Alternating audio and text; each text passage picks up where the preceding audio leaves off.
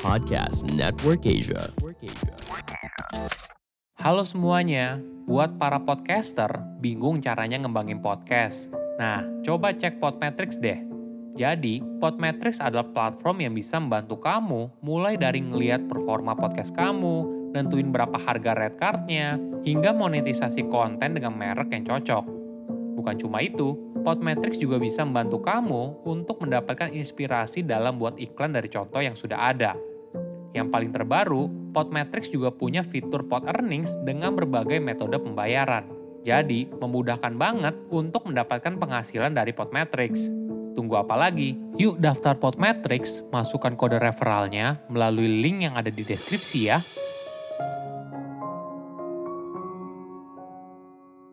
Karyawan merupakan bagian penting dan keluarga besar perusahaan.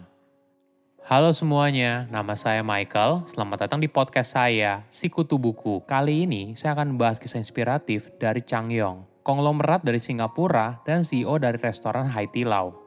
Chang bukan berasal dari orang kaya. Dia tidak tamat SMA dan bahkan tidak pernah makan di restoran sebelum usianya 19 tahun.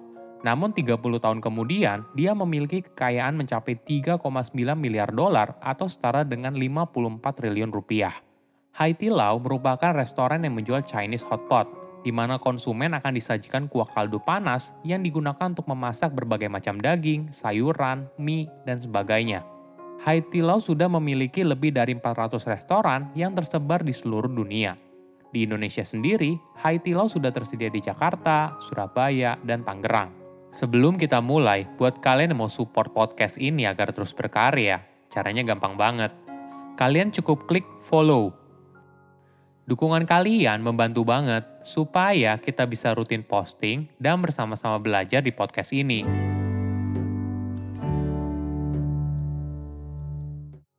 Haiti Lau berawal dari titik yang sederhana.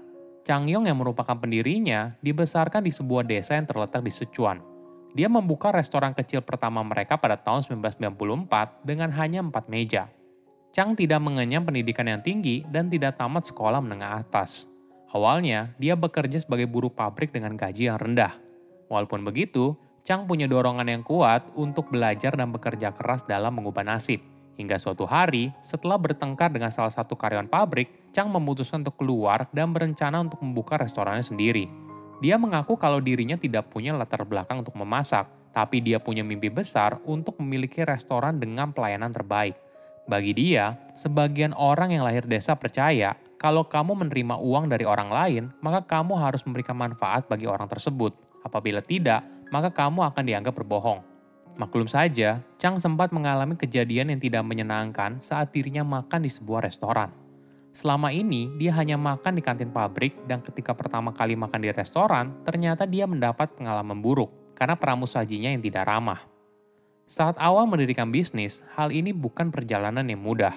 Chang sering kali tidur di restorannya dengan ranjang lipat. Tiga temannya membantu dalam hal pembiayaan restoran, sedangkan dirinya bertugas untuk menjalankan bisnis.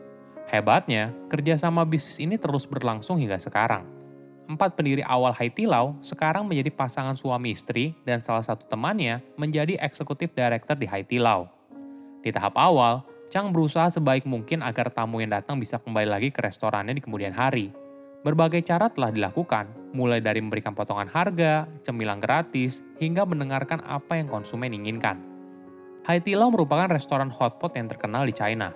Boleh dibilang, Haiti Lau bukan restoran biasa yang menawarkan makanan enak, namun yang dijual ada pengalaman makan di Haiti Lau. Standar layanan pelanggan yang sangat baik hingga kamu perlu merasakannya secara pribadi. Contohnya begini, berbagai layanan yang disediakan, mulai dari minuman dan makanan ringan gratis, permainan kartu, bahkan layanan manicure oleh penata kuku profesional disediakan saat kamu berada di ruang tunggu. Ini yang menarik, menunggu giliran kamu untuk makan tentu saja bukan pengalaman yang menyenangkan. Namun Haiti Lau berhasil membuat aktivitas menunggu ini menjadi sebuah pengalaman yang berharga. Sebelum makan, kamu akan ditawarkan handuk wajah panas, tas pelindung ponsel, dan sebagainya. Selain itu, ada pertunjukan ahli mie yang akan menyiapkan mie buatan tangan dengan memutarnya di depan konsumen disertai iringan musik. Perhatian staf kepada pelanggan sangat hangat dan patut dicontoh. Dalam usaha restoran hotpot yang sangat kompetitif, layanan pelanggan Lao yang luar biasa telah menjadi keunggulan yang membedakannya dengan para pesaing.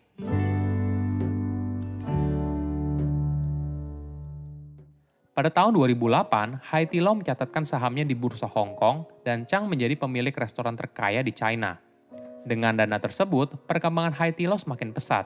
Maklum saja, di China, hotpot adalah salah satu jenis makanan yang paling populer, khususnya hotpot Sichuan.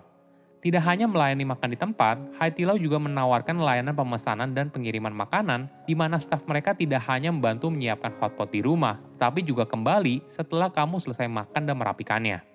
Hal lain yang mendorong perkembangan pesat Hai Di Lao karena mereka sebenarnya tidak terlalu bergantung pada koki yang hebat. Konsumen memasak sendiri makanan mereka, jadi mereka hanya tinggal fokus menyiapkan kuah hotpot dan bahan yang berkualitas. Ini merupakan kategori bisnis yang bisa direplikasi dengan cepat. Namun tantangan utamanya, bagaimana menjaga pengalaman konsumen ketika makan di Hai Di Lao selalu sama di setiap outletnya. Kultur bekerja di Hai Di Lao boleh dibilang dibentuk berdasarkan nilai yang dianut oleh Chang kalau setiap orang punya kesempatan yang sama untuk sukses. Dia sempat mengatakan, filosofi kunci dari Hai Di Lao adalah kamu bisa mengubah hidup menggunakan kedua tanganmu.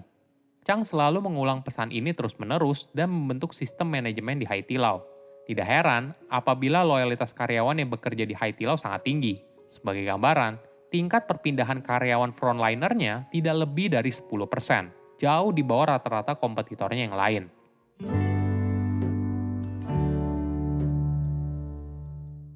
Kenapa karyawan Hai Di China begitu loyal? Ada beberapa alasan. Pertama, struktur gaji dan tunjangan karyawan. Hai Di Lao menyusun insentif gaji dan paket kesejahteraan yang sangat menarik untuk menjaga karyawannya agar tetap setia pada perusahaan. Karyawan berprestasi bahkan dapat menerima apartemen gratis, tunjangan pendidikan anak, dan tunjangan lainnya. Ada juga insentif bagi karyawan yang mereferensikan keluarga dan teman mereka untuk bekerja di sana.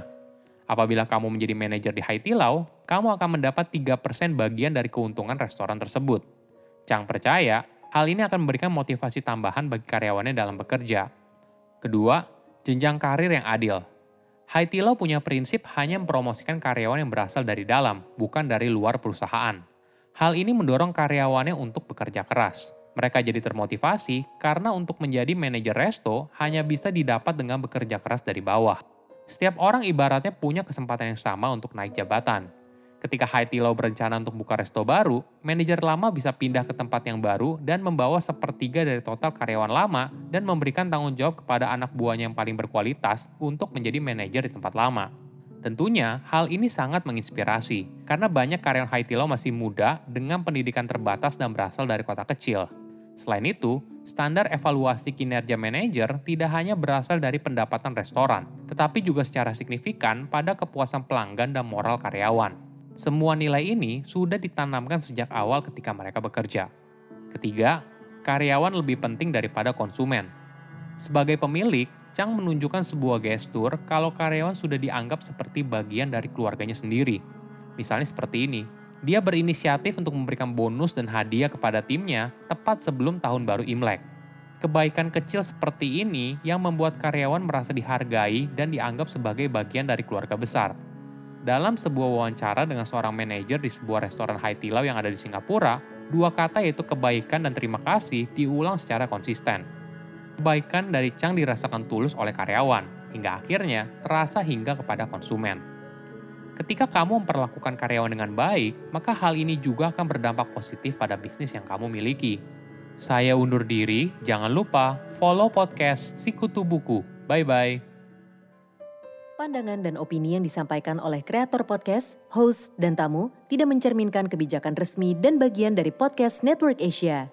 Setiap konten yang disampaikan mereka di dalam podcast adalah opini mereka sendiri dan tidak bermaksud untuk merugikan agama, grup etnik, perkumpulan, organisasi, perusahaan, perorangan, atau siapa pun dan apa pun.